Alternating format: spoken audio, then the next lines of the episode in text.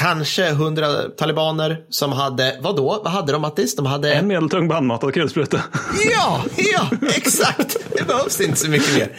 7,62 millimeters kärlek och det spelar ingen roll hur hårda biceps då.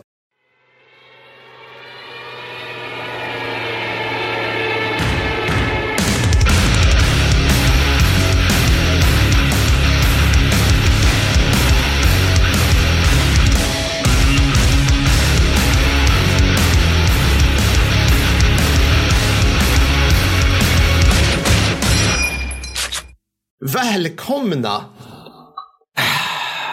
Välkomna underbara lyssnare till avsnitt 23. Eh, hej säger vi till er på YouTube som tittar på oss nu. Eller hur Mattis? Du är medveten om att du syns i bild? Eh, fasaväckande medveten. Mitt, mitt skägg som har fått eh, kommentarer på Instagram, det blir allt mer vildvuxet som går för varje dag. Alltså, det går ju inte att gå till barberare när man själv är förkyld. Nej, det blir jättedålig stämning. Så, att, alltså, så här är det, ni som är Patreons för 10 euro uppåt får se mina yviga armrörelser och hur jag typ så rycker ur micken och sådana här grejer. Och får se hur Mattis drar sig i skägget och ser fundersam ut. Eh, ja, så ja. det, är, det, är en himla, det är en himla fin grej faktiskt att bjuda på, om jag får säga det själv. Mm. Ni andra, ni får undra vem som har vilken röst fortfarande.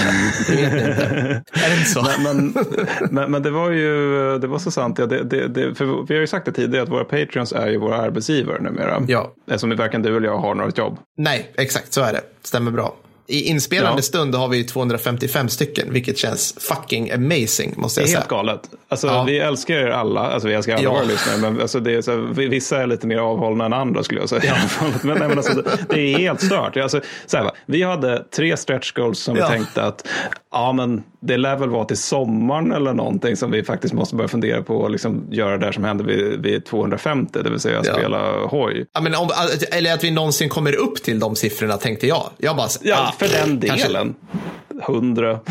Ja, våra föräldrar, vi kanske får upp 20 pers tänkte jag som kände för att liksom, jag vet inte. Ja, ja men, det var lite så. Men, men, eh, men sen så istället då så, så visade det sig att det där gick ju rykande raskt efter att vi hade så att säga relanserat Patreon med tears och stretch goals och allt härligt smuts. Problemkolon är att vi hade noll förberedelse för det här så det finns ju en risk att det blir den här podden som liksom lovar, eh, lovar runt och håller tunt liksom. Ja. Eh, vi har stretch goals, vi kan inte uppfylla dem för de, de, var för uppfyllda, de uppfylldes för snabbt och entusiastiskt. Ja, precis. Men, men jag tror, vi, vi har väl planen va Mattis att vi betar av dem i den ordning de har kommit in va? Ja, ja så är så det. Jag, så jag fattat det som helt enkelt. Så att, eh, du har lite tid på dig att typ så här göra ett herrejösses manus om första världskriget. Eh, jag har, lite tid på, jag har mindre tid på mig att få upp min tolerans från anorektisk 14-åring så att fyllepodden inte blir två och en halv minut lång. Vilket det finns en risk ja. för annars ja. också. Och så ska vi lära oss spela Hearts of Iron också. Det är också en detalj i Fast jag tänker det, det blir väl nästan mer Konrad och därmed bättre ifall, ifall man liksom eh, bara är dålig på det. Liksom ifall ja. vi bara torskar redan 1914. Alltså, alltså att Österrike-Ungern och kejserliga Tyskland bara rasar samman efter mindre påfrestningar från ja. sovjetiskt håll, eller ryskt håll. Men, ja. Alldeles för van vid att snacka om Det är helt korrekt. Liksom. Ja. ja, och förutom att se oss ska jag säga också, så ni som är 10 euros eh, patrons, ni får ju också ett extra avsnitt i månaden. Hörde jag ja. en änglakör? Eh, så att, så att eh, de här introna blir längre och längre känner jag. Jag har så mycket jag vill ja, berätta för våra patrons. Det, det, är så mycket kul. Men, men det, det, det, kan ju vara liksom värt att säga just då, förlåt alla icke-patrons, men, ja, men, men nu ska vi tala till våra arbetsgivare här. Ja. Till kära arbetsgivare patrons, det är ju alltså att det extra avsnittet det kommer i början av varje månad löpande tills vi liksom dör helt enkelt. Och sen är det väl då vi slutar med podden. Så att det kommer komma. Eh, vi kommer spela in det ganska snart faktiskt. Så ska vi klippa det. Jag, jag har förresten kommit fram till en, en nackdel med att vara arbetslös. Så här långt har jag tyckt att det bara varit fördelar. Va? Jag har inte märkt några nackdelar. Berätta. Vad är det? Nej, men det är att när, när man sitter i när man har en två och ett halvt åring ja. som är förkyld och sålunda under den här evinnerliga skitkoronan som aldrig vill ta slut inte kan gå till, eh, det heter ju inte dagis utan det heter förskoleverksamheten. Ja, ja. Där hamnade jag i haveristhögern. Eh, ja. oavsett, då, då är liksom, man har förhandlingen vem som ska vara hemma och vabba, tack, vem som ska vara hemma och vabba. det är ju lite svårt frun. att säga. Nej, jag ska, ja. ja, men alltså, det, det, är så här, det är lite svårt att säga till sin fru som ju liksom är fulltidsarbetande yrkesperson som också har ett viktigt jobb och sådär att jag skulle behöva podda. Det är vad jag sysslar med just nu på din order. Kan du ta hand om vårt barn? Ja. Exakt. ja, men, det är mysigt, men alltså, när det har gått några dagar, jag har liksom glömt bort lite grann hur, alltså, hur man blir liksom lite dum av att vara ensam hemma med, med, med en tvååring så länge. Det är, alltså, för jag, det är liksom, man får inte så mycket nya intryck för att det är för kallt för att vara ute. Så då blir det istället att jag har suttit och grunnat över sånt här, hur reproducerar sig egentligen smurfarna? Eftersom vi tittar på smurfarna. Det finns ju precis en tjej. Alltså hur går det till? Det, det totalt, jag tror det var 99 i, i, i övrigt då. Eller vad fan var det mer? Ja, men också typ så här Petson, lider han bara av demens helt enkelt? Ja, exakt. Alltså, ja, ja, det, kan, det kan vara så enkelt. Uh, ja. ja. Sven Nordqvist har liksom inte ritat de här avsnitten där liksom hemtjänsten kommer förbi och ger honom piller. och du vet så här, och han, han sitter och pratar med en så här uppstoppad liksom, gosedjur och tror att det är Findus. Gud, det här blir mörkt alltså. Ja. Riktigt mörkt. Shit. Men apropå mörkt så, så vill jag också passa på att kväva en meme i sin linda innan det här blir en ny medeltung bandmatad kulspruta av det hela.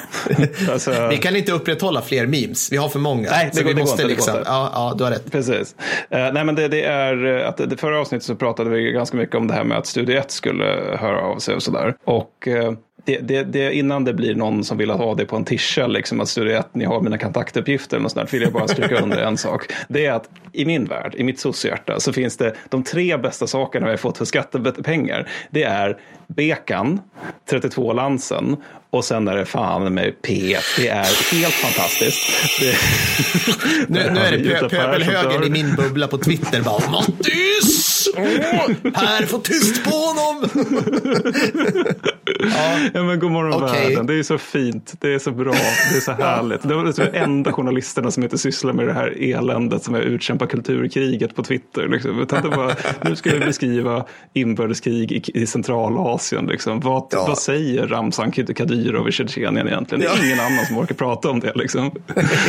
Men ingen bryr sig. om Sydamerika, kom igen, ja, avbryt er själva. Liksom. Hur mycket skattepengar ja, ska vi lägga på att typ... någon gör det? För menar, alla, ja, andra, alla, alla, andra medier i Sverige håller ju egentligen på med någon form av så här underhållningsvåld egentligen. Mm. Alltså att man bara håller mm. på och pratar om liksom vem som har sagt vad på olika sociala medier eller ledarsidor. Och det är ju rätt tjatigt. Och sen tycker jag liksom att jag menar, sr.se, eller P1, P1s hemsida skulle kunna ersättas av typ Cecilia Udens blogg egentligen. Alltså så, här, så, så här, det är bara, det är bara liksom träffa taxichaufförer och hårfrisörer i alla jävla oroshärdar i hela ja, liksom ja. mellan Östern, Nordafrika, Centralasien. Ja. Liksom. Bara, bara låt henne flöjta på liksom. Det är Men det är också något av det finaste som har hänt i svensk historia där när, när de gjorde 2011 när arabiska ja. vågen drog igång där liksom, och hon var liksom på ett lastbilsflak tillsammans med så här, libyska frihetskämpar som, ja. som typ så här, en av de få journalisterna som överhuvudtaget kom dit. Och hon bara, ja. jag, jag hänkar på dem, jag sitter här med Kalashnikov i ryggen, lutar mot den lite bekvämt och rapporterar. Jag menar, hon ja. är en lejoninna. Det är faktiskt häftigt, på riktigt. Ja, det, det kan få bli en t-shirt. Ja, det skulle det kunna bli. Häftigt på riktigt och så en bild på Siri det. Ja, just det. Eh, vi kommer kanske till avsnittet någon gång. Har vi, ja. eh, skulle vi prata om det här? Jo, en sak som är en sista grej om Patreon. För övrigt så, jag kan säga icke-patreons, vi har även typ så muggar och t och allt möjligt annat på G, så att det rullar på.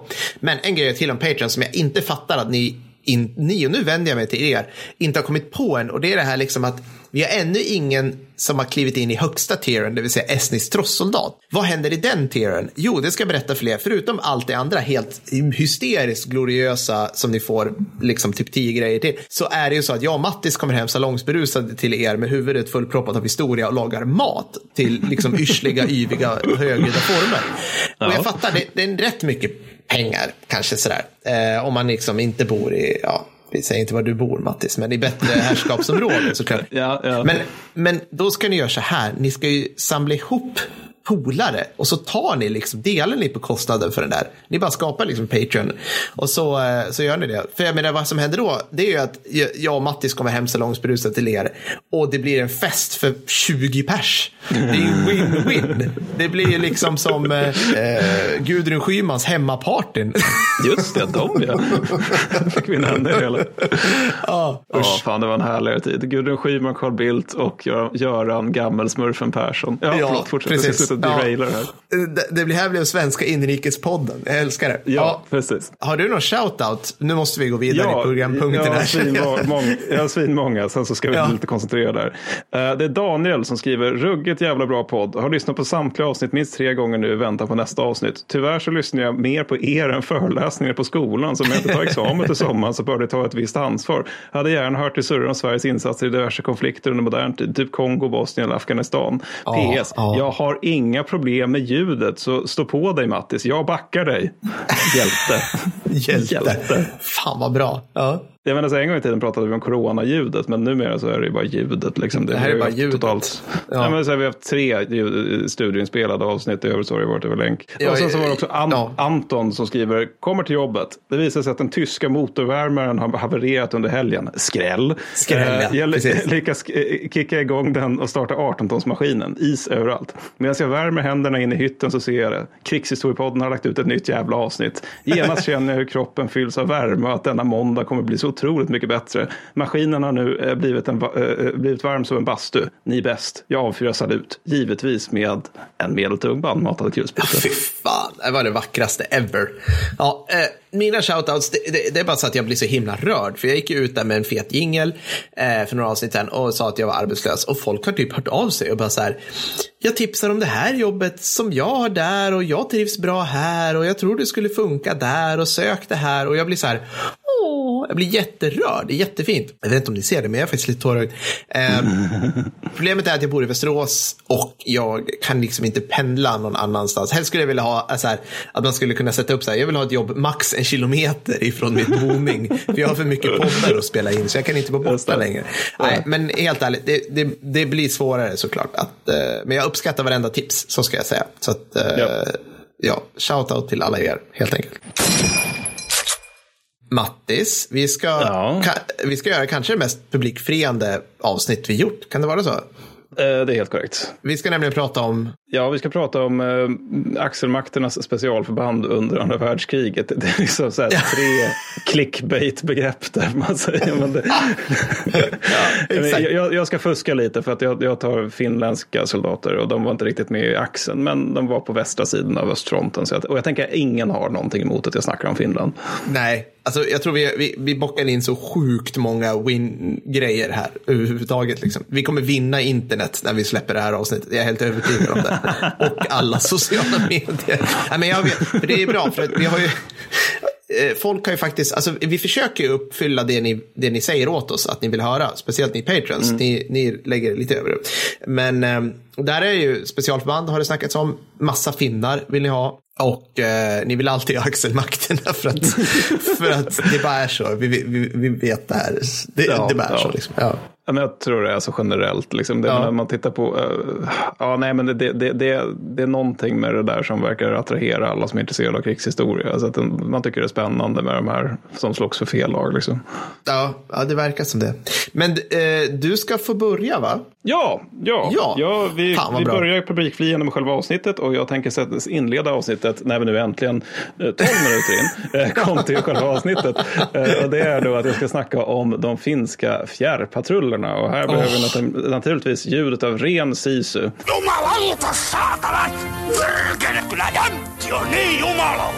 I alla fall, eh, Per, min gode vän, fjärrpatrullerna, vad tänker du när du hör om det?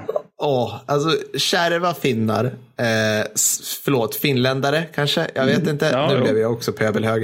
Eh, som eh, typ så här skidar par hundratusen mil i ett par Mm. år. Typ stryper ut björnar, eh, dricker sitt eget urin och typ så här samlar på eh, sovjetiska soldaters öron. Det är typ Ja, det jag tänker. Alltså, det roliga är att när rätt många förband liksom i största allmänhet så finns det ju myter och sånt där. Men, men när det gäller fjärrpatrullerna så är det på något sätt så, som att alla myter man någonsin hört, ja, men, nej, men det är inte myter, det är bara väl att det börjat fakta. De var så, så kärva, liksom det, din beskrivning är typ det de var. Så.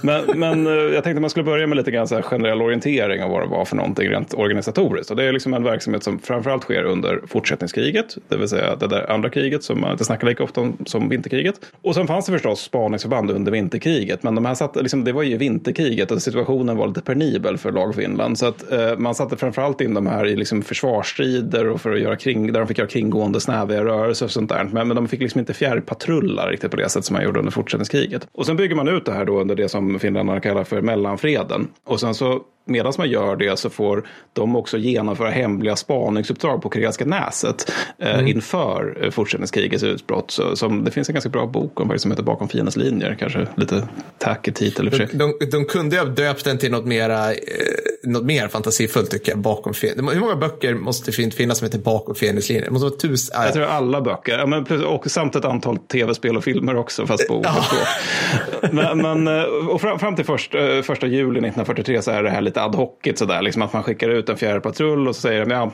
gå, och, eller skida beroende på årstid. Och sen så får de liksom bara göra det och hämta lite underrättelse. Så kommer de hem och så får man se vad de hittade ungefär. Inte riktigt, men det är liksom lite, det är inte så organiserat så. Men efter det så, det, så bildas fjärde avdeltat bataljonen då, som är ett spaningsförband som är direkt underställt spaningsbyrån och därmed direkt underställt högkvarteret. Så det är liksom högkvarterets ah. fjärrpatruller bokstavligt talat. Ah, ah. Och sen finns det fjärrpatrull, eller putterpatrullmän liksom på lägre nivåer. Alltså jag tror det är på bataljon och regementsnivå så där, att de, de har egna spaningsförband. Så. Men de jag ska snacka är de här som just snackar direkt med HQ, så, eh, som har liksom ytterligare lite snäviga uppgifter. Så. Och totalt rör det sig om fyra fjärrspaningskompanier som man har spritt ut längs hela fronten. Och i regel så är varje patrull 10 till 20 man beroende på årstid. Alltså de är i regel större på vintern, då, då är de upp till 30. Jag fattade aldrig riktigt varför det är så, men det kanske är för att det är svårare att göra grejer på vintern. Ja, 30 pers, det är, det är mycket. Alltså det är mycket att hålla koll på. Mycket, jag, jag vet inte. Det är väl liksom... Ja. Ja, de ville väl liksom, hade de med sig typ en mobil bastu som de liksom delade upp på folk, då behövde de liksom folk för att liksom, du, just det, du tar aggregatet och du tar, nej, jag Vi måste rättfärdiga bastun. Ja, precis. Och, och att de, de skulle göra var i praktiken att liksom få in underrättelser bakom eh, ryssarnas linjer. Och det här gör ju att man kunde liksom inte bara ta randoms med random trappass, utan man letade efter vissa egenskaper hos folk som skulle bli patrullmän. Och den första egenskapen, det var ju den som liksom hela finska armén hade, det vill säga de var finländare. Eh, säga de var uppfostrade och uppvuxna med att med handkanslag fälla mindre träd och större ekar. och det är en bra liksom, grej att utgå ifrån när man ska göra ett specialförband. Och i regel är de redan veteraner också, de man plockar ut. Antingen från vinterkriget eller att de har fått kriga loss lite grann under fortsättningskriget. Och sen så väljer man ut dem som anses vara särskilt motiverade, stabila, patriotiska. Då. Det, är liksom, jag tänker också, det, det här är också en fördom, men, men jag tänker att finländare är väl stabila. Liksom. Det är väl ja, det, del av folksinnet bara. liksom att det,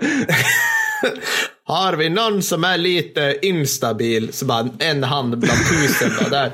Jag grät en gång när jag var nio. Så bara, du kan gå hem. Så, eller något, jag vet inte.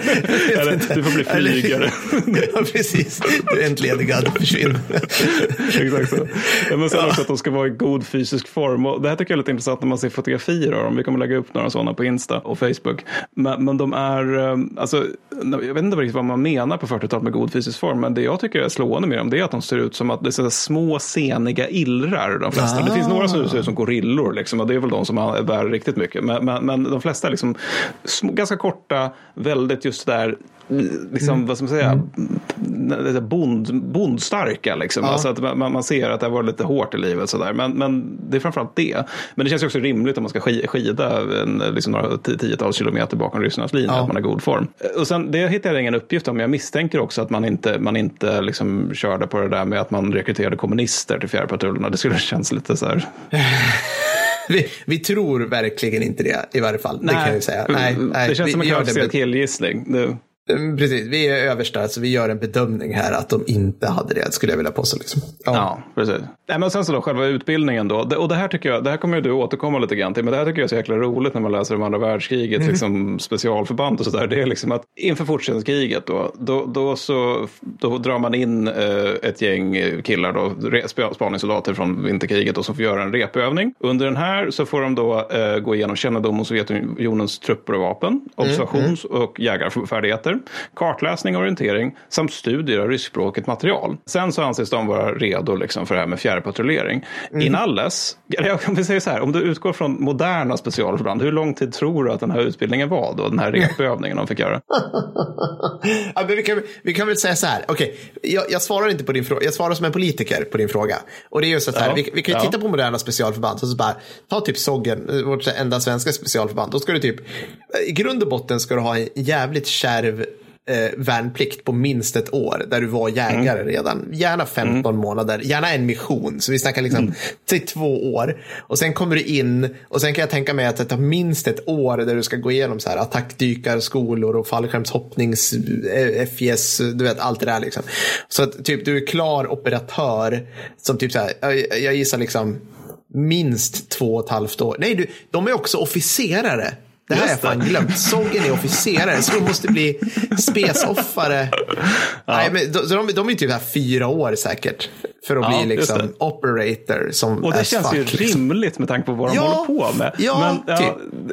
i, i, den här repövningen då så handlar det om två, tre veckors då, utbildning. och visst, de hade utkämpat vinterkriget, de hade gjort sin värnplikt och de ja. var finländare. Men det är ändå, det är lite tajt kan jag tänka.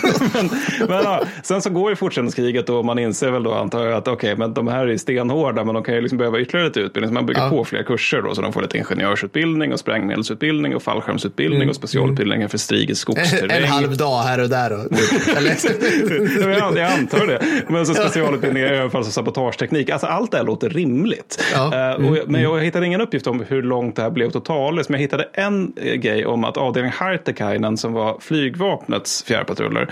De fick totalt en utbildning på åtta veckor. Och det är fortfarande ingenting. Nej. Alltså, alltså...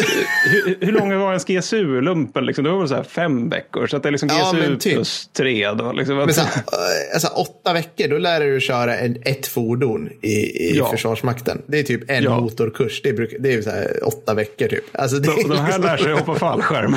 ja, precis. Allt möjligt glatt. ja. Men sen så då, det, kan, det är en annan grej apropå det här med att de var ganska små och spensliga. Liksom. Det, det, och också att de ska gå så jävla långt och vi kommer till själva längden som de ska gå. Mm. Men, men, det är att de, de ska in bakom fiendens linjer och de måste i praktiken ha med sig allting som de behöver i fält. Mm. Och det här gör att de, de konkurrerar runt på en jävla massa när de ska ut på, på sina uppdrag. Då.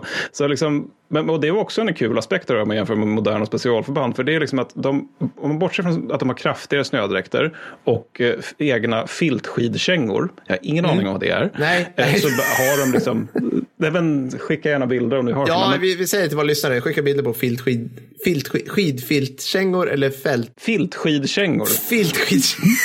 ja, ja, jag vet inte, men det är säkert bra. Men eh, utöver det så har de liksom bara ja, men, arméns materiell helt enkelt. Ja. Och sen nådde man ja. lite den sådär på kompaninivå. Men, men det är det de har.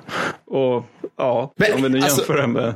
Ja. ja, ja, alltså för det finns ju inget som ser, det finns ju inga som ser mindre ut som svenska soldater än Soggen. Alltså nu, nu återigen, eller liksom amerikanska, spelar ingen roll. Alltså alla, alltså tittar du på moderna specialförband idag så ser ju alla specialförband på den nivån ser typ likadana ut. De mm. går runt i liksom multicam och Crysoft-hjälmar och bara det vore ju så jävla, alltså okej, okay, om, om det är någon från, so från Soggen nu som lyssnar, kan ni inte bara genomföra en övning i liksom samma, exakt samma tilldelade utrustning som den minst prioriterade värnpliktsplutonen just det året i Sverige har. Vilket betyder ja. typ så här, stridsväst 2000, så här, tre par gröna magasinsfickor, ett så här astrattigt kroppsskydd som sitter dåligt, slät modell 90, 90 kängor. En hjälm med de här gamla läderkuddarna i som så här, ger dig ja. huvudvärk efter två och en halv minut. Liksom. Kan ni inte bara göra det? Och så bara lägger ni upp Istället för de där så här, fyra stycken kikare på bildförstärkaren så är det liksom du får G1. Så, varsågod Sogge, kör. Ja, ja. Ut, vi måste lägga upp en bild. ära. Ja, vi måste lägga upp en bild på en G1 sen. Och fy fan ja. vad det var sämst, kommer jag ihåg. Alltså. Ja, nej, men det, det, det är en migränmaskin verkligen. Ah, gud. Och sen då men då kan vi också, det här kan ni få som, då kan, då kan ni alla ni som utbildar på plutoner, alla ni eh, fänrikar och allting där ute i landet. Då kan ni säga då också så här att om, om någon soldat klagar på sin utrustning, men du, det duger för soggen. För ja. ja. Nej, men så de har det i varje fall. Ja, det, det var och, mitt stickspår eh, för dagen. Stickspår. Ja. Mycket bra. nej, nej, men eh, jag tänker att det nog kommer fler från båda hållen. Men, men grejen är i varje fall då att de, de är ganska tungt beväpnade, eller snarare så här, de är beväpnade för närstrid under andra världskriget. Så, det, och det är inte så konstigt, de ska ut och vara i skog mycket. Så de har väldigt många k-pistar. Det är så tre fjärdedelar av en patrull har i regel k-pistar. Och yes, resten har gevär, ofta prickskyttegevär, så man kan liksom lösa sånt också. Men så de, de, är, de, de är tänkta att strida på nära håll liksom, om de måste strida. Och sen har de, varje man har upp till 500 patroner med sig, antingen i trummagasin eller i ryggan. Liksom. Sen har de förstås handgranater, minor, väldigt mycket mat också, inklusive så kallade koncentratpaket som ska eh, räcka för fem dygn och innehåller allt möjligt smått och gott. Sen har de extra, eh, extra utrustning för skidor ifall det är vinter, plus skidor naturligtvis om det är vinter. Mm, Mm. De har jättemycket kartmaterial. Jag orkar inte lista allt det, men, men det är liksom bara så här. Ja. Det, det, det, är liksom i boken jag utgår, framförallt utgår från här, så är det typ så här tredjedels A4 som bara är all, alla former av kartgrejer de har med sig. Ja. Och för att stryka under det här, liksom hur mycket de bär, så tänkte jag att det kunde vara rimligt att gå igenom vad de har med sig i form av kläder. För ja. det antecknar du noga Per. Ja, ja givetvis. Ja, ja. Mm. Bra. Mm.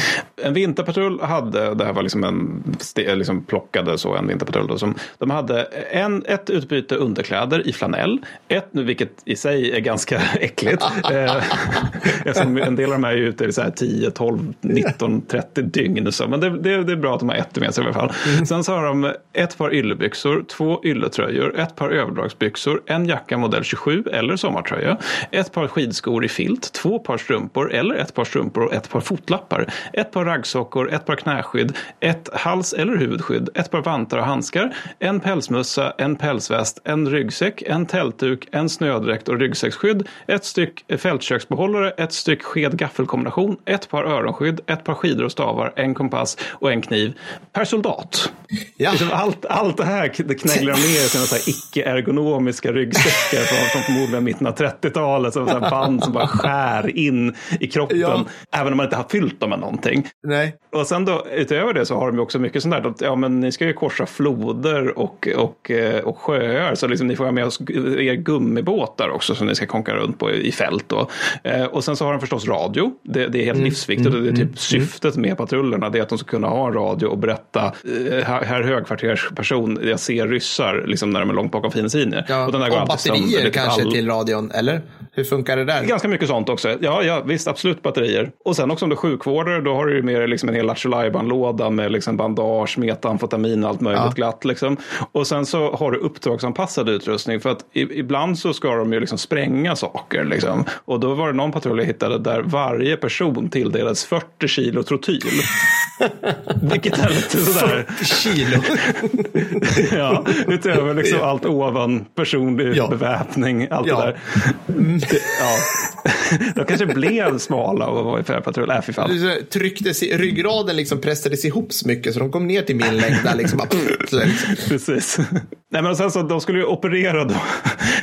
Allt det här då skulle de konka, konka runt på då längs eh, den finska gränsen. Då. Och det som var svårast det var Karelska näset. För det, det är liksom relativt tätbefolkat. Det finns byar och sånt där. Då, så de skulle ju helst undvika civilbefolkningen och gick så att inte någon av dem började tjalla för ryssarna. Liksom. Men sen trakterna kring Svir och längre norrut, det är lättare för där är färre, färre folk. Men lättare är ju en av de största kaninöronen i världshistorien. Liksom. För det är fortfarande ganska jobbigt här. För att det är långa jävla avstånd. Och inledningsvis är det också ganska usla kartor över Sovjetunionen som de ska in och traska i. Så de fick ofta så här upprätta kartor via patrullering mer eller mindre. För att liksom ursprungsdokumentet var det här är en, ett A4 och det är grönt eh, och ni ska till det här krysset i det gröna. Liksom. I övrigt så kan vi nog inte erbjuda så mycket terrängskillnader och liknande att visa här. Och som längst då, för jag har babblat nu om det här med att de skulle bakom fiendens linje, men som längst så, så var det en patrull som tog sig 400 kilometer bakom ryssarnas linje. Den skulle mot Arkhangelsk. Det tar ju svin lång tid att flyga. Alltså jag, liksom, jag säga, fyra timmars bil, bilresa på motorväg, då, då har du genomfört det. De gör det här till fots. Christ alltså. Genom den pissig, pissig liksom vildmarksterräng. Ja, alltså, ja men bara så här, gran, tallskogar och kärr liksom, med en och annan Ja. flod som de måste korsa. Och sen då, eh, ryssarna då, de tyckte ju att det här var tråkigt med att de hade en massa galna finländska gerillakrigare bakom sina linjer. Alltså återigen, Ja. det är fyra kompanier det handlar om, men det är liksom jobbigt Ja. att de är där. Så de satte in totalt sju regementen plus tre, fyra bataljoner från dels gränsbevakningen och dels NKVD för att bara hålla de bakre områdena. Plus Jävlar. egna spaningsförband också som skulle liksom, ja, spanings och hundförband som skulle jaga då fjärrpatrullmän. Och det här motsvarar ju alltså jag orkar inte riktigt få ihop det här i huvudet, men det blir väl så här 20 000 man eller någonting som är liksom öronmärkta för att hålla koll på de här fyra kompanierna som alltid är underbemannade och aldrig är liksom ett fullskaligt kompani. Så att, eh, ja. Men det är väl bra. Alltså, där har du en av huvuduppgifterna för specialförband. Och det är ju liksom att binda fiendens resurser till just sådana saker. ja. Mission accomplished får man säga. Ja, verkligen. Shit alltså. Ja, eh, men 40 mil, är det, är det rekordet? Eller hur Ja, det var tid? längsta i, i distans. Det finns en som har längre i tid, men, men, och den kommer vi kom, återkomma till. Men, men det är längsta i distans, förstår jag det som i alla fall. Eh, Kan, någon, någon lyssnare kan säkert höra av sig om det var någon som kom ännu längre bort. Men, men om de kommer ännu längre bort, då måste de väl vara borta liksom vid Sibirien. Alltså, vad Ja. vi ser Alaska nu ringer tillbaka till högkommandot. Precis. Men okej. Men allt detta då, vad är det de ska göra? Och då är det, jag har skrivit i versaler med tre utropstecken efter, framför allt spaning. För, för det, det är ju liksom det, här, det som COD och Hollywood har gjort mot oss. Det är att vi tror att spa, liksom specialförband ska, ska själva utmana pansarskyttesoldater på ädel kamp. Men det ska de inte. Alltså de här de är spaningssoldater. De ska titta på en järnväg eller ett flygfält eller vad, what have you och sen rapportera om vad de har sett. Det är det de ska göra. Och sen hade vi då flygvapnets kortlivade fjärrpatrull då, som hette just eh, avdelningen Hartikainen. De skulle spana på ett specifikt flygfält då för att kunna ge realtidsinformation till bakåt. Då, så att här lyfter ett bombplan, här lyfter ett bombplan. Kan nu eh, finska flygplan bränna ner dem? Sen hade de också en sidouppgift och det var sabotage. Alltså de, de gjorde flera stötar mot eh, Murmanbanan då, eh, där de sprängde den helt enkelt. Eh, vilket också är ganska galet. Och sen också, det här tyckte jag var helt bisarrt, en triäruppgift det var ta fångar. Ja, liksom, ser man så jävla frågar. Hur gick det till? Alltså så här, 20 mil bort. Så här, Ja, okej, vi, ska, så här, ska, vi hugga av, ska vi hugga av Ivan armar och ben så kan vi lägga honom på. Nej, då dör han. Okej, Ja. här du en lapp där det står på finska. Jag är en rysk krigsfånge. Häng den runt halsen. Gå i den riktningen i ett par veckor tills du stöter Ja. på en finne. Men det är just, just det här, liksom, om de gör det här liksom, när de är på väg österut. Vad händer? Alltså, det, vad fan Ja. ska de ta sig till? Ska de, ska de ta med den här karln eller flera kanske? Liksom, Hela vägen till Arkhangalensk och sen så gå tillbaka. Men vid det laget måste de börja bli kompisar. Liksom. Att, ja, Ja, här ja, är ja. du, Ivan Precis. Ivanovic, Petro Petrevich och så vidare. Han ska komma på mitt bröllop i sommar. Ja, vi är Skittrevlig kille. Träffa honom under kriget. Eh, Nej, men sen så vid yttersta nödfall så ska de också strida. Eh, Och det här är i- i ytterst sällsynta fall så var det också en uppgift. Eh, Och det var bland annat under sommarsidan 44 så var det ett kompani som skickades för att, och jag citerar, beväpnade upp till tänderna leva rövare bakom lit- ryssarnas linjer, vilket de ju då naturligtvis gjorde med framgång. Och själva förfarandet för hela, hela det här vansinnet då, för det är rätt vansinnigt om man tänker efter, och de gick för det mesta när de inte skidade. Det var att de skulle innästla genom fronten. Eh, Och det här vill jag nu att samtliga här, inklusive du Per, eh, Ja, ja. tänker den tanken genom frys till slutet. För att om man tänker innästling i Afghanistan, då är det liksom så här att det är ett rörigt gerillakrig där liksom, ja, men vi ska liksom in på territorium som hålls Mm, av talibanerna. Här är genom en front. Och liksom Mm. den här fronten där har ju liksom ryssarna, de har ju satt ihop ensam hemma, Sovjet style framför den. Liksom alla de här dödsmördarfällorna i form av taggtråd och minfält och skit liksom. Färgburkar som kommer i rep. eh, så här, såna, såna där grejer. Ja. De har tagit någon sån här random åttaåring från USA och det visar att han har ett väl utvecklat sinne för sadism. Men i alla fall, så nästa del när de har lyckats med det här, vilket är som var första steget, då är det lufsa igenom de grå skogarna, ofta i veckor, undvika Mm. fiendepatruller och fiendeförband, arbetsstyrkor och civila ifall de inte ska förhöra civila, vilket de ibland ska Mm. göra också. Så ska de bo i skogen. Och det är inte helt nice, för att alltså det här alltså det kallas ödemarken av ganska goda skäl. Det är, det är liksom bara kärr och kärr och träsk och tallar överallt. Det finns liksom ingenting att göra eller se på. Det, det är förmodligen inte dra igång en fet eld och grilla korv. Det är liksom... Nej, nej, det är inte den. Nej, det, nej. det är inte mysstämningen. Så det, Nej, det, det de nej. mäter då, det är att det de har med sig och sen också sånt som skickas ner i torpeder från flygplan. Alltså det kallas torpeder, men de sprängs inte. Men det, är liksom, det ser ut som en torped och sen så är det liksom fack i det där man kan plocka ut ofta pannkakor av någon outgrundlig anledning. Och sen finns det också, Ja. det är jättetrevligt, det blir lite mysigt.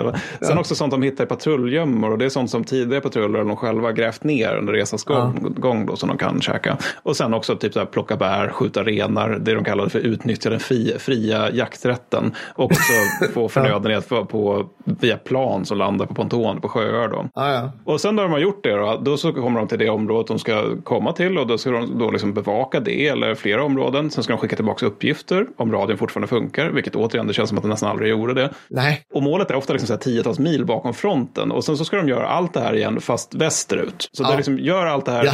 fast tvärtom, eh, inklusive liksom, infiltrera igenom eh, en rysk linje. Då. Och har ni sprängt någonting på, på har, och har ni sprängt någonting nu, gjort någon åsikt, då vet förmodligen gränsbevakningen att ni ska tillbaka. Så att, så att då kan det bli ännu tuffare. Ja, men så här, kva- Kvalificerad gubb-googling är att det finns finska liksom, partisaner mer eller mindre där ute som, som Ja. vi måste jaga nu. förmodligen. Jag hittade en, en, ett exempel på det här med hur det kunde vara. Det var liksom en patrull som var ute i 19 fucking dygn, vilket är jättelång tid. Det är liksom över två veckor. Och de, när de kommer hem då, då får de skäll. Och det är för att de kommer tillbaka 09.40. Eh, de var beordrade att komma tillbaka 09.30. Eh, så det blev skäll från närvarande officer. Det var Bra, mest på bra. skoj för att det var en tysk officer där som var så helt till sig och se livslevande patrullmän. Det hade han liksom bara läst om i den här, liksom olika nazistiska tidningar. Men, ja, och sen så ska de avrapportera då, eventuellt göra Ja, om om ja. det är någon som orkar. Sen har vi min sista punkt här, det den här har rubriken problem, kolon. För det kunde ju Ah. uppstå... Ja, men lustigt nog kunde det liksom, det det, här var inte en helt smooth operation. Nej, så. nej. För att det, det, alltså, det kunde uppstå problem och en ganska vanlig det var ju så skadefall. Och det, det är ju liksom, det blir lite kämpigt där om man är mitt ute i skogen och någon blir skadad. Det var till exempel en patrull 42 som blev överrumplad när de liksom låg och sov. Eh, och Mitt i natten så är ryssarna där liksom. Så då drabbas de av två skadefall av att de skjuts eller eh, splitterskadas då. Och sen är det ytterligare då fyra stycken som när de flyr från platsen så drömmer de rakt in i ett mit, minfält. Så att den här patrullen har helt plötsligt sex skadade på halsen. Och jag menar, är det Ja. en sommarpatrull och de är på tio man, då, då är det helt plötsligt lite kämpigt när man är mitt ute i skogen och fortfarande har ryssarna i häcken, liksom, för de Ja. kommer. Sen en annan grej som hände, det var ju att de helt enkelt blev jagade. Och då, då finns det ett firat exempel från den så kallade spurtpatrullen som skedde 15-19 januari 1943. Det var då en patrull Marmo som de åkte ut och sen så blev de upptäckta liksom väldigt, väldigt snabbt. De lyckades liksom inte riktigt bryta kontakten med fienden då. Så Nej. de hade både skidskyttar och flygplan efter. Och för, givetvis då så besköt de de här flygplanen med k-pistar naturligtvis. Såklart, såklart. Så att de var liksom tvungna att ru- ruscha tillbaka mot de egna linjerna och liksom slå sig igenom flera liksom sovjetiska spärrar under den här tiden. Det någon av de som var med där som sa, jo, det dygnet skidade vi visst över 100 kilometer under strid, så patrullen var ganska slut. Vilket är det finskaste som någonsin sagts. Ja. Och sista då, det är alltså att någonting bara går fel. Alltså då, då finns det pat- patrull Vorro som tillhörde eh, avdelning Hertekainen. De råkade ut för att de drog ut och sen när de var på väg tillbaka, då var det dels att en björn hade käkat upp maten i deras patrullgömma. Och det var ju lite olyckligt. Men sen var det också att de, de satte upp med ryssarna och var tvungna att ta en omväg som var ganska rejäl. Då. Och, då när, och efter ett tag så hade de bara gått och gått och gått och gått. De eh, liksom började uppleva ren svält. De skjuter någon karelsk ren men, men de äter köttet illa tillagat. Så det ledde mest till att de får en massa riktigt jävliga diarréer. Och så Ah. går de, går de, går de. Och till slut när de är framme ur de egna linjerna så har det gått 56 dygn. Vilket alltså är den längsta patrullen överhuvudtaget. Då. Jesus Christ. För, alltså, det där, jag tror jag har hört den siffran förut. Och det jag tänker på är liksom just så här, alltså långa specialförbandsoperationer. Och jag vet att under andra världskriget så låg ju typ, alltså du har, du har ju SAS eller någon av de här andra brittiska motsvarigheterna. De låg ju och spanade i Nordafrika på vägen med stort V. Alltså den enda vägen där Rommel var, kunde köra. Och där låg de ju typ i två år. Men det var ju fast spaning. Det var ju en oplats liksom. Ja. Så att, och det, men här rör man sig och det blir jobbigare. Genom Ja. vildmark. Eh, Ja, men ah. återigen, alltså, jag, jag minns det som att, om man ska göra en till lumpenparallell, att vi hade typ två fältveckor i lumpen som var på två veckor. Mm. 14 dygn. Och vi var så möra. Vi, var, vi, var liksom, vi tyckte att Vietnamkriget måste varit mindre jävligt Ja, ja. än det här. Liksom. Det var så jävla hemskt. Det var så synd om oss. Men så tänker man då 56 dygn. Det är liksom nästan två månader snarare två veckor som man bara lufsar omkring. Nej, det är så jävla galet. Fan. Lustigt nog så eh, Antivorro som eh, anförde den patrullen, han fick också ett ganska rimligt eh, Mannheim-kors för det hela. Ja, vad bra. Det, det Ja. låter jävligt rimligt faktiskt. Ja, det tycker jag också. Specialerbjudande nu inför Vasaloppet bara för dig som är lyssnar på Kristorypodden. Vi har nämligen tillsammans då med Vasaloppet och offentliga arrangörer offentliga arrangörer anordnat Fjärrpatrullvasan. Det betyder att du för bara 15 990 kronor extra pris för dig just nu den här veckan får ett styck vadmalställ och ett par ovallade vita blixten. Sen får du ut en karta ungefär i skala 1 till 100 000 där du ska navigera över stora delar av Dalarna för att ta olika kontroller. Hela tiden så kommer Dalarnas hemvärn vara ute och jaga er med paintballgevär och hundar. Alltså det här är väl den perfekta, perfekta svensexig-grejen. Jag, jag kan inte komma på något bättre egentligen. Gör det här med dina polare eller vad du vill. Hur som helst, slå till nu så får du uppleva någonting som, ja men typ som Fjärrpatrullen upplevde det. Garanterat, ungefär. Jesus Ja, men så det är Christ. Fjärrpatrullen då. Ja, kul. Över till dig. Eh, över till mig. Äh, men vi, vi, rull, vi rullar vidare. höll på att säga. Nu blir det riktig axelvakt. Nu ska vi nämligen snacka om Brandenburgarna.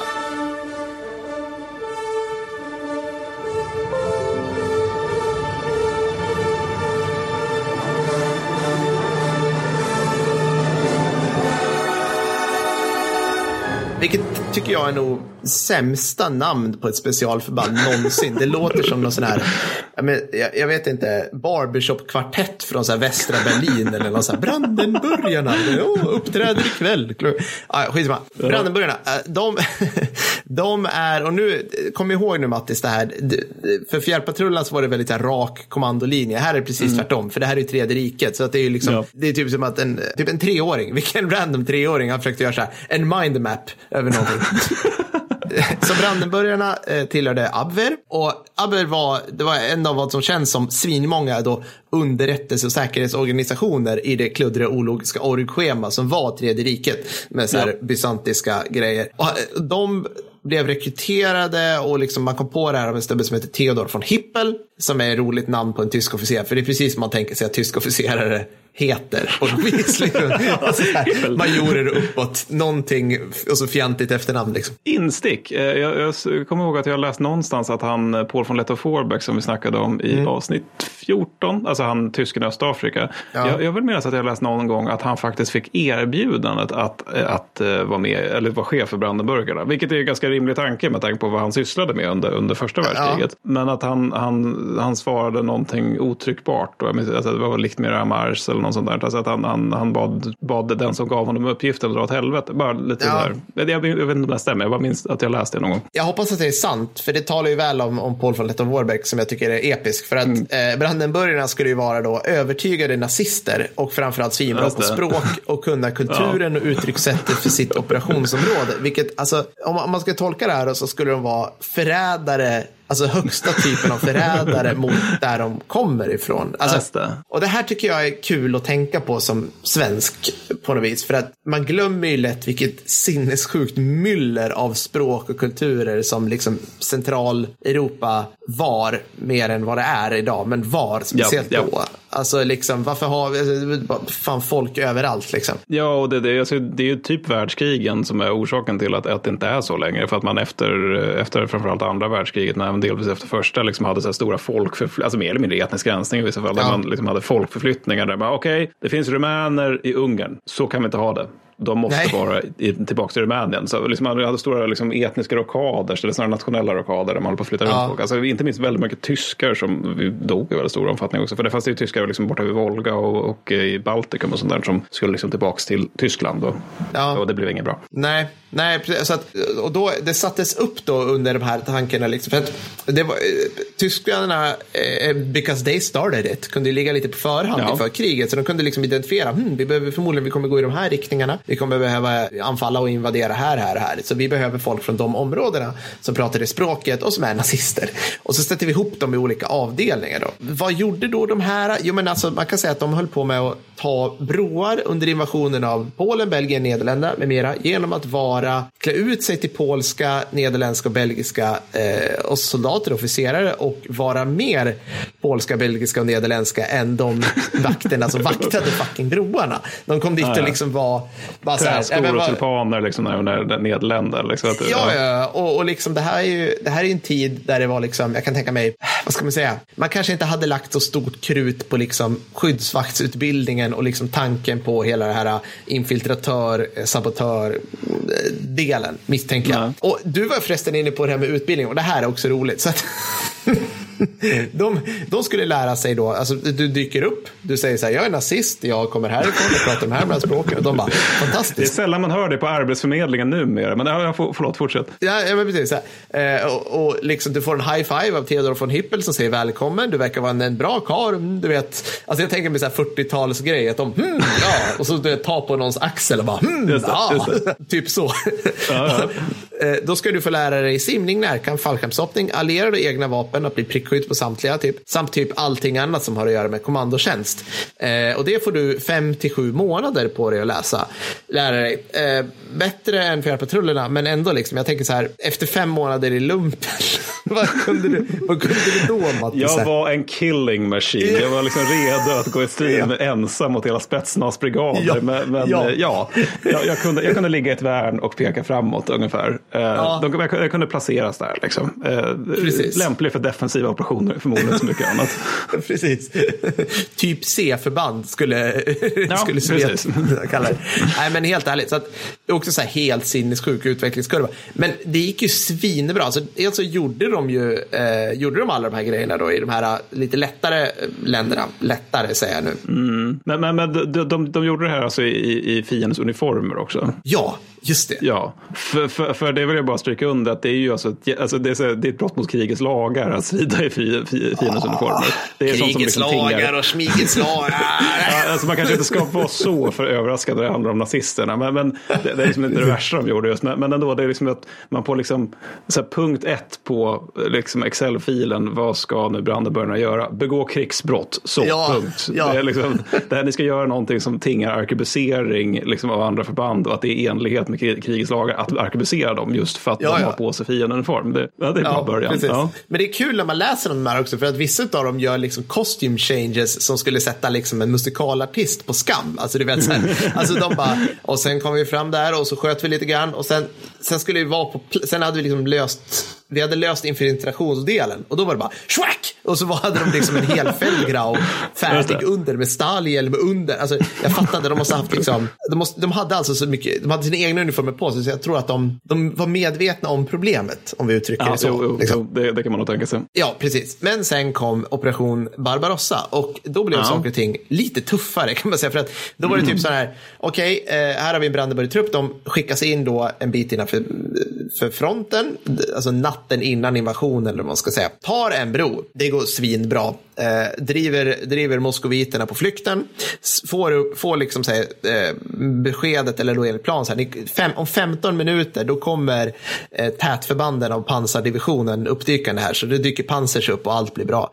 pansers, ja, de går på någon mina en bit bort och sen blir det, något flyganfall och sen ska de väl dricka kaffe, jag har ingen aning. Så att de här 15 minuterna blev broförsvar i två timmar av typ 20 stycken lätt beväpnade brandenburgare mot, ja men typ så här, ett halvt regemente med sovjetiska soldater. Okej, Men- sovjetiska men- soldater, jag fattar. Men, jo, men liksom, visst, men, ja. men ändå, det är ju lätt infanteri som möter några som har understödsvapen. Det, det måste ju ändå Ja, vara lite ja. knivigt. Liksom. För vad, vad har de? De har väl just knivar och liksom gevär och någon k-pist eller tre. Liksom. Någon, någon, liksom MP40 som var gömd under rocken med typ några magasin och lite sådana grejer. Mot, liksom ja, GRK och tunga kulsprutor och, Just och hela balletten. Liksom. Ja. så att, eh, men de höll och sen, sen blir det lite mera, nu, nu blir det lite mera Ryssland LOL-känsla. För det, det var nämligen så här, 1942 under en större tysk offensiv, då, eh, då klädde de ut sig till eh, NKVD, alltså liksom sovjetiska säkerhetstjänsten, Ja, dagarnas, ja, ja, något Ja, sånt men där. typ dagens FSB brukar man säga när man är elak. Liksom. Ja, men precis. Eh, om ni tänker er de här eh,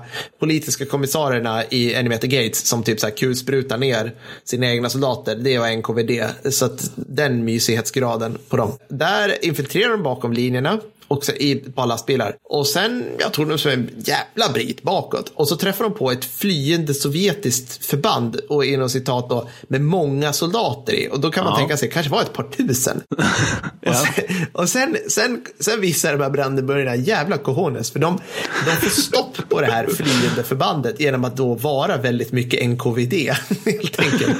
Och sen säger de, nej, vi går mot fronten, så de vänder på det här förbandet och får dem liksom att gå mot fronten. Ja. Och sen använder de det, liksom, då, då är de inbakade i det, det här autentiska sovjetiska förbandet. Så att de använder det som ett alibi för att liksom ta sig runt fronten. Och, liksom, och det de gör då, precis som du sa med fjärrpatrullen, är ju liksom, det är ju spaning, det är underrättelse. Så då antar jag att det satt någon jävel med radio bak på flaket på en av de här lastbilarna och liksom sa så här till, ja, Men, men alltså det, är det låter ju väldigt mycket som en, en krigsfilm från 70-talet starring Donald Sutherland här. ja jag vet. Alltså det är typiskt den typen av så här, det vill säga tecknad filmaffisch liksom. Där. Ja, jag vet. Men, men sånt här händer ju hela tiden i krigshistorien. Alltså, det finns Gene Hackman starring. Ja, precis. they couldn't do it, but then they did it. Eller sånt, liksom. He was an ordinary nazi. Ja, Ja. Nej, klipp det där för helvete. Ja, ja men sen, sen blev det ju sämre stämning allt eftersom åren gick då i Tredje Ja. riket som alla vet om där. Så att Ja. någonstans här 44 så, så sa man liksom vi behöver inte sådana här snäviga liksom specialinfiltrationsförband längre riktigt på samma sätt. Så att, Nej. så att ni, ni kommer ingå i en pansardivision nu. Varsågoda. I och för sig Det Grossdeutschland. så det- det var-. Ja, det är bra. Ja, det var inte så dåligt. Här. Men man kan ju, man kan ju liksom, man kan ju tänka sig, tänker jag i mitt näsfnissande huvud här, liksom att du har någon, du har någon målbrottsfänrik som står fram, framför de här superkralliga 35-åriga helskeggs-späckhoppsoperatörerna och bara, ja, okej, Eh, vi ska försvara oss här, ni ska gräva ståvärn. Jaha, du menar gräva? Vi gräver ner, gräver tre mil under fiendens linje, kommer vi upp så skär vi halsen av åtta generaler. Bara, nej, nej, spade, gräv här. Ja, okej, men vi ska försvara oss. Det betyder att om vi kommer ut i rädet kommer vi lura dem med speciella visslingar. Så kommer det köra fel, så kommer hoppa ner och skära halsen och bara, nej, ta en panserfaust och sen ska du dö. så, typ så, så att, Och så hade de då liksom, jag tycker du har en dålig attityd. Ja, Eh, men, vad menar du här? Det ska finnas can do, murder-do-do, Sieg Heil, allt det där. Ja, Ja, eh, ja. typ så. I mina anteckningar står det inom sådana här stjärnor så här, härma, kolon, var rolig. Transparens är bra Per. Men, men, men alltså det, jag tyckte det var roligt om inte annat. Men, men, Ja, men, det var ju lite så här generellt en stämning i slutet för, av andra världskriget för tredje riket. Det är ju här man liksom börjar här, tömma pansarskolorna och säga liksom, nu ska ni bli pansarler. Eh, vissa ja. av er i varje fall. Sen vad det gör med vår utbildningsförmåga, det tänker vi inte på så mycket nu för nu ska de iväg Normandie och där visar sig vara precis lika känsliga för splitter som precis alla andra. Men de är jätte, Exakt. jättelit. Vi har Exakt. tagit de bästa. Så vi har gjort ett förband av dem. Det, ja, exakt. Och det här är exakt det som man tror liksom att säga, ja men alltså tv-spel har ju visat mig att så här, man kan ersätta ungefär hundra vanliga soldater med en operatör. Och så bara, nej, nej, nej, det funkar liksom inte så alls. Det är, inte- det är absolut inte så. Nej, jag, jag, jag bara instick där förresten. Men, men, eh, men, eh, för det är någonting som en del har frågat oss på eh, Insta vet jag. Att vi, vi är, ofta är liksom så här lite skeptiska mot begreppet elitförband. Mm. Så vi ska nog, när, när vi har kriget tråkigt-podden ska vi prata mer om det. Men delvis, i varje fall för min del, är det lite grann för att alla moderna förband är elitförband. Om man ser det utifrån andra världskrigsmått mätt. Liksom. Alltså att pansarskytte idag, de är jävligt bra pansarskytte. Liksom. Och spaningsförband idag, de är jävligt bra spaningsförband. Och jag menar, det som är specialförband idag, det är ju de där 35-åriga helskäggen med dina kommandohubär och allt vad fan det nu är. Ja, liksom, så, ja. så att, men, men så att, liksom, själva grejen med elit tror jag på något sätt har förstört lite grann hur folk tänker om krig. Liksom att det finns de här liksom, som är så här tier 1-operatörerna som är så huvudaxlar över precis alla andra. Att det blir liksom tv-spel av verkligheten. Eller förstår jag tänker i mitt Ja, jag lite förstår förvirrande precis. Jag förstår precis. Jag menar, titta, det stämmer ju såklart inte. Jag tycker min, min favoritexempel det är ju liksom Lone Survivor-delen, operation någonting, någonting. Ja, där de det. här fyra stycken Wing, jag. Seal, Super Seal-snubbarna bara gick åt mot typ kanske hundra talibaner som hade, vadå, vad hade de Mattis? De hade... Mm. En medeltung bandmatad kulspruta. Ja, ja, exakt. Det behövs inte så mycket mer. 7,62 millimeters kärlek och det spelar Ja. ingen roll hur hårda biceps då. Nej. Klipp det där. Det där kan vi inte ha med. Kärlek. Vi försöker få amerikanska sponsorer här. Förlåt. Sorry Lockheed Martin. Nej då. men okej, vi, vi, är inte helt klara med Brandenburgarna. Jag ska bara säga så här, 1944 också så hakade många av de här på Skorsenis, eh, som var en eh, tysk officer, hans SS-jägare någonting, alltså de hade mm. jaktförband eller något sånt där. Vilket då i princip var en turnerande cirkus av krigsbrott kryddat med några operationer. Eh, antipartisanverksamhet. Ja, det, det, det, är aldrig bra. Det är aldrig bra när det står så i tyska rapporter. Det Bandenkampf betyder ju mer så här liksom att ja, det var någon, någon av våra soldater lyckats halka på sitt gevär så att det blev ett skott liksom. Så nu måste vi döda hundra vitryska bönder på grund av det. Alltså det, ja. det är aldrig vackert när det är just antipartisan och tyskar under andra världskriget eller under något krig för den delen. Nej, för fan. Eh, ja, vart tog de fåtal överlevande Brandenburgarna vägen då? Jo, Mattis, ska jag berätta för dig. Det är tyskar med så här lätt belastad politisk bakgrund alltid tar vägen. De ja. åkte till Främlingslegionen eller till Argentina. Just det, just det. eh, så många han, det var, liksom, det var mycket så här spex och ståhej i Indokina där, så tidigt 50-tal. Mycket så här tyska svordomar liksom, längs vägarna mot Viet Minh och sånt där. Ja. Ja, men det, det, det, har ju påståtts någon gång att, att uh, Dien Bien Phu kallas för Waffen-SS sista strid. Vilket är liksom, det hamnade här, massa kommunister här också. Vi får spöa de här som vi tycker är undermänniskor igen. Fan, vi har fortfarande inte gjort ett Vietnam-avsnitt. Nej, det har vi fan inte. Det har vi Jävlar. sagt att vi ska göra sen till varandra sen, sen uh, avsnitt 15 tror jag. Det, det står ja, på planering, liksom, alltså, minst ja. två. Ja, verkligen. Shit, det var en blooper. Ja. Nej, precis. Ja, okay, och sen jag har minst tre avsnitt som jag vill göra efter de här. Men okej, okay, men om vi håller oss till saken. Det är vårt flamsigaste avsnitt. Äh, ja, precis. Vi ska inte börja planera nu. Men, ja, men det var det. Det var Brandenburgarna. Så att, ja, vad ska vi säga om det? Eh, vad kul. ja, men alltså, det är intressant för det är någon form av blandning mellan typ så här, tolk-S och SOG fast de är nazister. Ja, precis. Det, det, det är ju rätt Alltså, det är ju rätt udda det med att man, eller jag, jag, känner inte riktigt igen det från några andra specialförband, att man lägger så stark betoning vid just det här med språkkunskapen. Alltså jag menar när Nej. amerikanerna var igång med, i Vietnam och skulle liksom hålla på med hearts and minds ute och liksom skapa grillor mot kommunisterna ute i börsen. Då var väl det mer liksom CIA-folk som höll på med det där med att kunna vietnamesiska. Med, Medan gröna baskarna och sådär, de var väl mer där liksom och lärde ut hur man stred. Så.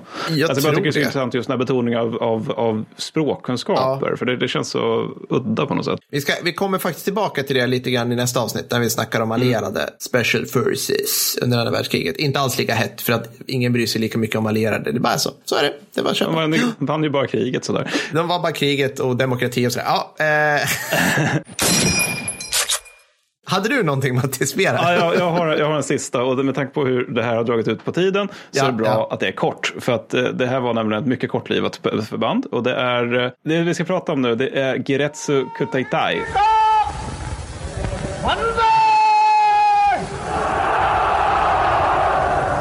Så att det är återigen japanskan vi misshandlar i det här avsnittet. Då. Underbart. Det är eh, så kallade heroiska själv, eh, fallskärmsjägare.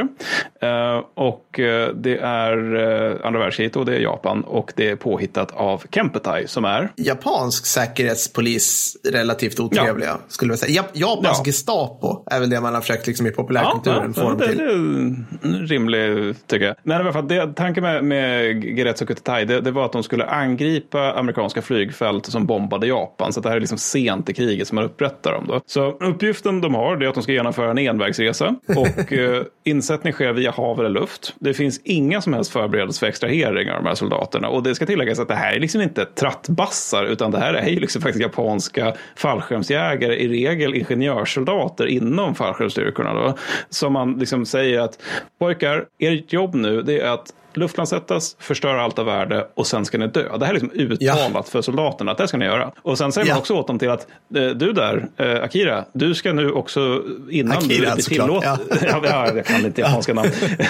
Men du, innan vi låter dig dö så ska du ta död på tre, eller ha sönder tre fientliga fly, flygplan när de står på sina flygplatser. Så de ska angripa flygplatser, eller flygbaser snarare. Mm. Utrustningen då, eh, det är mycket sprängämnen då, eftersom de som sagt väljs bland ingenjörer och pionjärsoldater. De har specialsprängämnen, det ser, ser ut som stora, stora liksom som halsband ungefär som de ska kasta över vingarna och sånt där på flygplan. Eller helst de övar på dummy B29 och där de kastar de här halsbanden då som ska de sprängas och så ska få, de gå sönder. Och de har även typ 100k-pistar. Vilket är så här, Ah, ja, men det är andra världskrigets stora hipster-k-pist verkligen. Det, det, totalt 8500 exemplar byggdes eller tillverkades. Jag tror amerikanerna fick ur sig 1,3 miljoner Thomson-k-pistar. Så att liksom, alltså, typ 100 är lite grann som, som, som Tiger 2 för tyskarnas del. Den finns inte strategiskt. Men, men. Gretz och Kutetai hade i varje fall sådana här då, så det var kul för dem. Skönt att vi får in ett hipstervapen. Det ska vara vårt mål att få in i varje avsnitt. Här, Ni har säkert inte talat om det, men typ 100 Ganska kopister. obskyrt vapen.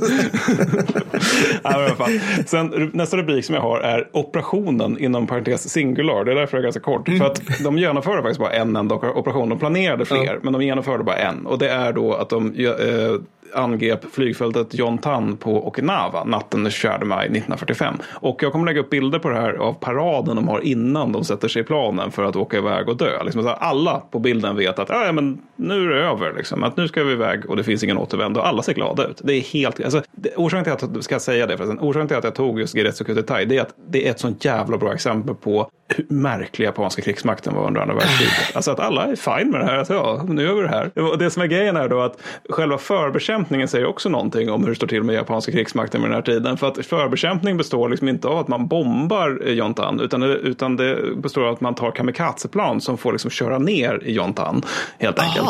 Ja. Så, så jobbar de. Eh, Och efter det då så ska ett dussin KI-21-plan landa, slash krascha, vi får se hur det blir, på Okinawa och sen leva rövare. Liksom. Fyra av de här får ju vända om då för det är dåligt väder. Och sen så de flesta andra skjuts, skjuts ner. Och sen så är det tre av piloterna i de här planen som får citat lite feeling och använder sina jävla plan som kamikazefarkoster. Vilket också är så här, tack så mycket säger fallskärmsjägarna Ja, bak i planet. Men, ja, där, är också helt galet. För det, alltså, där är no, I de tre planen är det några som faktiskt överlever kraschen, tar sig ut och genast är så här, ja men då så, nu kör vi. Alltså, med en gång bara, nu ska vi börja kasta saker här liksom, och spränga grejer. Men så är det ett plan då som faktiskt tar sig fram och kan liksom, sätta av rätt så landa liksom på något vis. Alltså, Ja, jag fattar inte om den landade eller kraschade, men den tar sig ner i varje fall tillräckligt Ja, hel för att de ja. Tio killarna, ska, de här tio citat heroiska fallskärmsjägarna ska kunna Ja. ta sig ut. Amerikanerna blir lite lätt förvånade av det här, för det är natt och liksom John Tan är betraktad som ganska säkert. Så, så de pan- panikskjuter ju åt alla håll på amerikaners vis. Eh, stora delar av den förödelse som följer är förmodligen på grund av just den här eldfesten som amerikanerna ställer till med. Då. Och sen så dyker ett marinkårsförband upp då som får blixtinkallas då för, för att eh, ta död på de här tio killarna egentligen. Alltså det, det är väl som sagt några till då från de tre som kamikaze störtade sig själva. Men, men alltså, vad kan det vara? Det är, det är en handfull pers då som någon bataljon marinkårssoldater eh, får styra upp dem. Men innan de dör så lyckas de förstöra eller skada 38 flygplan och över en kvarts miljon liter flyg, eh, flygbälte. Vilket är ju ganska bra jobbat faktiskt.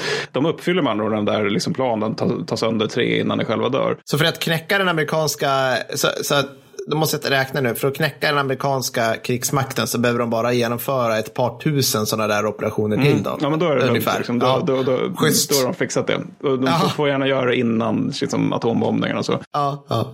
Och amerikan, de dödar också en handfull amerikanska soldater och amerikanerna räknar 69 döda japaner. Då. Och postskriptet för hela då, det är att det här flygfältet John Tan, det är ju naturligtvis aktivt liksom eftermiddagen efter. Så att liksom, konsekvenserna av operationen är nära nog noll. Det är liksom militärt sett obetydligt. Men japanerna tycker ändå att det är en framgång. Så att de börjar liksom planera nya anfall mot Saipan. Då, för det är från Saipan som de eh, amerikanerna utgår med B-29 för att liksom verkligen ställa till, eller liksom brand och atombomba Japan. Men, men eh, kriget hinner sluta innan man inför, genomför några fler. Då.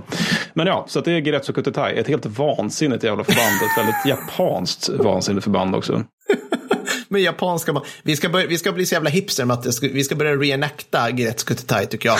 Och dyka upp, dyka upp på här reenact-läger. Just det, just det. Precis. Ja, vi, vi, har ju, vi har ju en gammal kollega som han reenactar ju entusiastiskt. Han reenactar ju italienare, vilket jag alltid tyckte är, det är oväntat. Ja, det är lite oväntat faktiskt. Eller så här, jag, jag tänker mig att alla reenactare reenactar tyskar. Eh, Men, men han, Ja. han tog det- den andra axelmakten istället. Ja, eller, eller så reenactar de typ så här uh, Band of Brothers eller något. Jag vet inte. ja, precis. eller ja, liksom, ja. ja. Alltså vi har ju reenactor-lyssnare så vi ska inte snacka för mycket skit om Nej, reenactors. Men nej.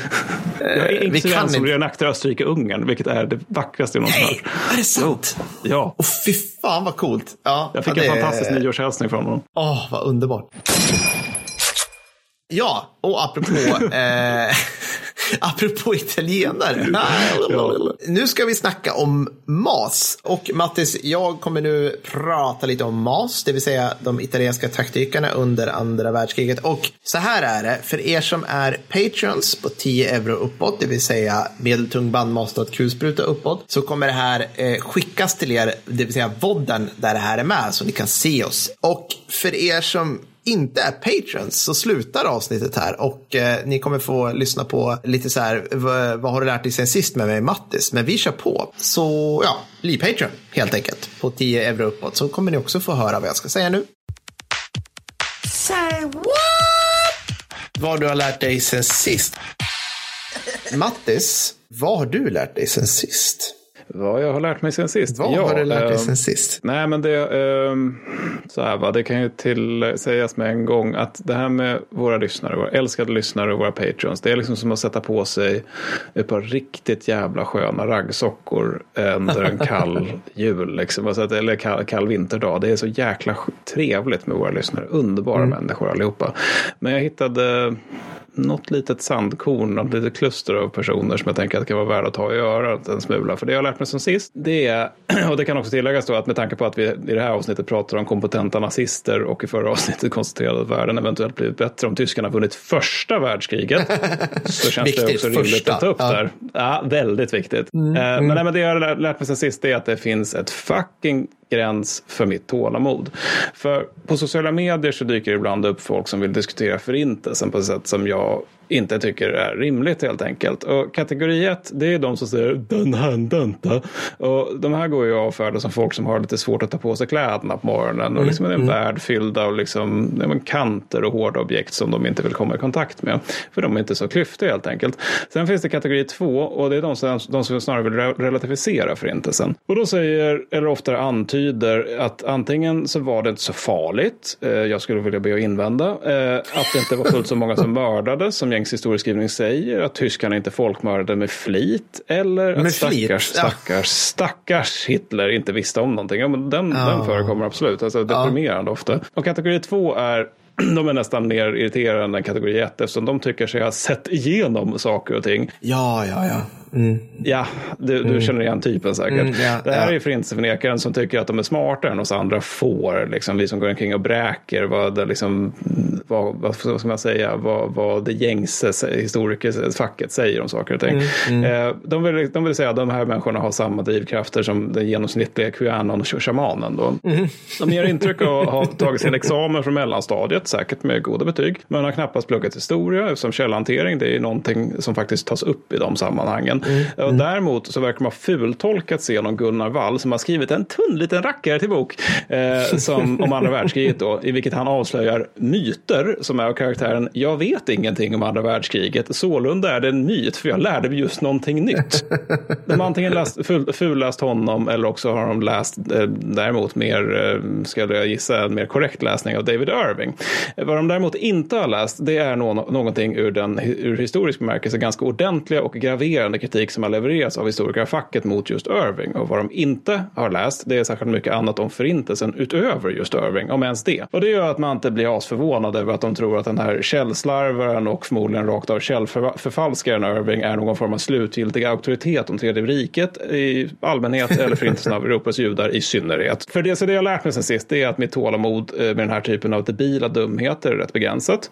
Så vill man förneka eller relativisera eh, förintelsen eller sprida de som gör detsamma så får man göra det någon helt annanstans än på våra sociala mediekonton. Och har någon någon som helst problem med det här, och det tvivlar jag på att speciellt många har. Jag tänker att det handlar om kanske sju personer och vi har betydligt fler lyssnare än så, som är, vilket är härligt i sig. Om någon har någon som helst problem med det här, för då, alltså det är fritt fram. Det är bara att mejla mig. Men förvänta dig inte ett svar som är något annat än otrevligt eller extremt jävla nedsättande. För det här är trams. Det är fullkomligt ja. trams. Historien har skrivits om det här och det är liksom färdigt nu. Um, ja. Så det är väl det jag har lärt mig sist.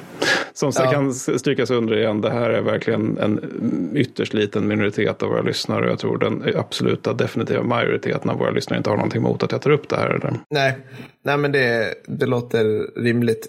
Alltså jag, jag, jag sitter i min egen bubbla där på Twitter och det, där är nästan inget sånt där. Men det, det sättet man kommer in på det ibland, det är att jag märker att folk pingar oss i så här bilder ibland. Eller det är typ kanske en eller två gånger egentligen. Och då, är det liksom, då kanske det är någon av våra följare som jag tror inte är någon form av så här rabiat vit maktmänniska. Men som så pingar han mig och så bara, jag kommer ihåg en gång, så är det en bild på typ så här Silo Scouts. Jag tycker sånt där är intressant. Vi ska prata mer om Afrika och inbördeskrig och så här. Silo Scouts verkar däremot, om jag liksom bara mm, känner lite fingertoppskänsla, kunna dra till sig vad ska man säga, politiskt belastade människor utan riktigt alla ja, alltså, hästar hemma. Alltså, jag kan vara Ja, så här, ja. det, det är någon... eh, Mm. Ja, men jag, jag fått lära inte. mig att i, i Tyskland så, får, så är det ju enligt lag förbjudet av goda skäl eh, olagligt att springa omkring med hakorsflaggor. Så på den här typen av vit maktdemonstrationer så brukar man ju istället då ha Rhodesias flagga eller sydstatsflaggan. Att, ja, det- Ja, ja, ja, exakt. Ja, men, också mm, rasistiska stater. Liksom som, men, men, men grejen är att jag, jag tror, jag tror, um, jag tror att det, alltså, som sagt så är det ju få, men att de här få ändå dyker upp. Det tror jag handlar om att om man är, liksom, gör en fultolkning av hur vi pratar om historia. Det är ju så att vi, vi pratar ju som vi pratar om historia för att vi tycker det är kul att prata om historia. Alltså i dubbel bemärkelse. Vi tycker det är kul med historia och vi tycker det är kul att prata. Men då att man tar, om man då tar vår ton som är, vad ska man säga, raljant, cynisk, ironisk, ibland rolig, enligt lyssnarna i varje fall. Och sen så gör man liksom någon form av elak tolkning av det. Då kanske man kan tänka sig att, ja men de här grabbarna, de håller med mig om de här frågorna. Och det, nej, sorry. Nej. Nej, exakt. Nej, jag vet inte fan alltså. Det där är, ja, nej. Vi, vi betackar oss för sådana där, uh, såna där grejer faktiskt. Mm, ute. så är det. Ja, Um, nej, men bra, bra Mattis. Bra. Det vad har du lärt dig sen sist då? Jag har lärt mig att det fanns helvetes många fler specialförbandsoperationer än vad jag trodde under andra världskriget. Jag ska börja hålla koll på det. Jag har aldrig tyckt det var så här särskilt intressant. Jag vet inte riktigt varför. Det är väl för att jag är så här pansardivision på östfronten-kille. Men jag ska börja hålla lite koll på det, för det kan bli kul. Det var det. Frank och Johannes har gjort vår nya jingel. Eh, tack så mycket igen grabbar. Och eh, nästa gång Ska vi prata om de allierade Just under andra världskriget. Just det, precis. Vi beklagar i förväg såklart. efter det kommer bli tråkigt. Ingen lyssnar med på det. efterrätten. nej, men, det kommer faktiskt bli jättebra. Jag, jag ska snacka om uh, Maris Marauders uh, som Mm. var, hade typ pest i Burma. Uh, det var deras uppgift. Och sen så ska jag snacka om Kompani Linge som jag, alltså, när jag läste in på dem Du får alla de här riktiga jävla förtjänstförbanden alltså. Ja, men alltså, alltså Ja. Linge, framförallt de som var med i Grouse, de, de gjorde grejer som får liksom en ordentlig fjärrpatrull att framstå som en trevligare pricknick ändå. Liksom. så att det, det kommer ni gilla. Åh, Och vilka skulle du ja, jag, ska snacka, jag ska prata om eh, Special Interrogation Group. Så det blir, jag fortsätter på mitt eh, medelhavs slash Nordafrika spår där lite grann. Så blir Det blir skitbra. Bra, vi syns då. Det gör vi. Ha det gött. Hej då.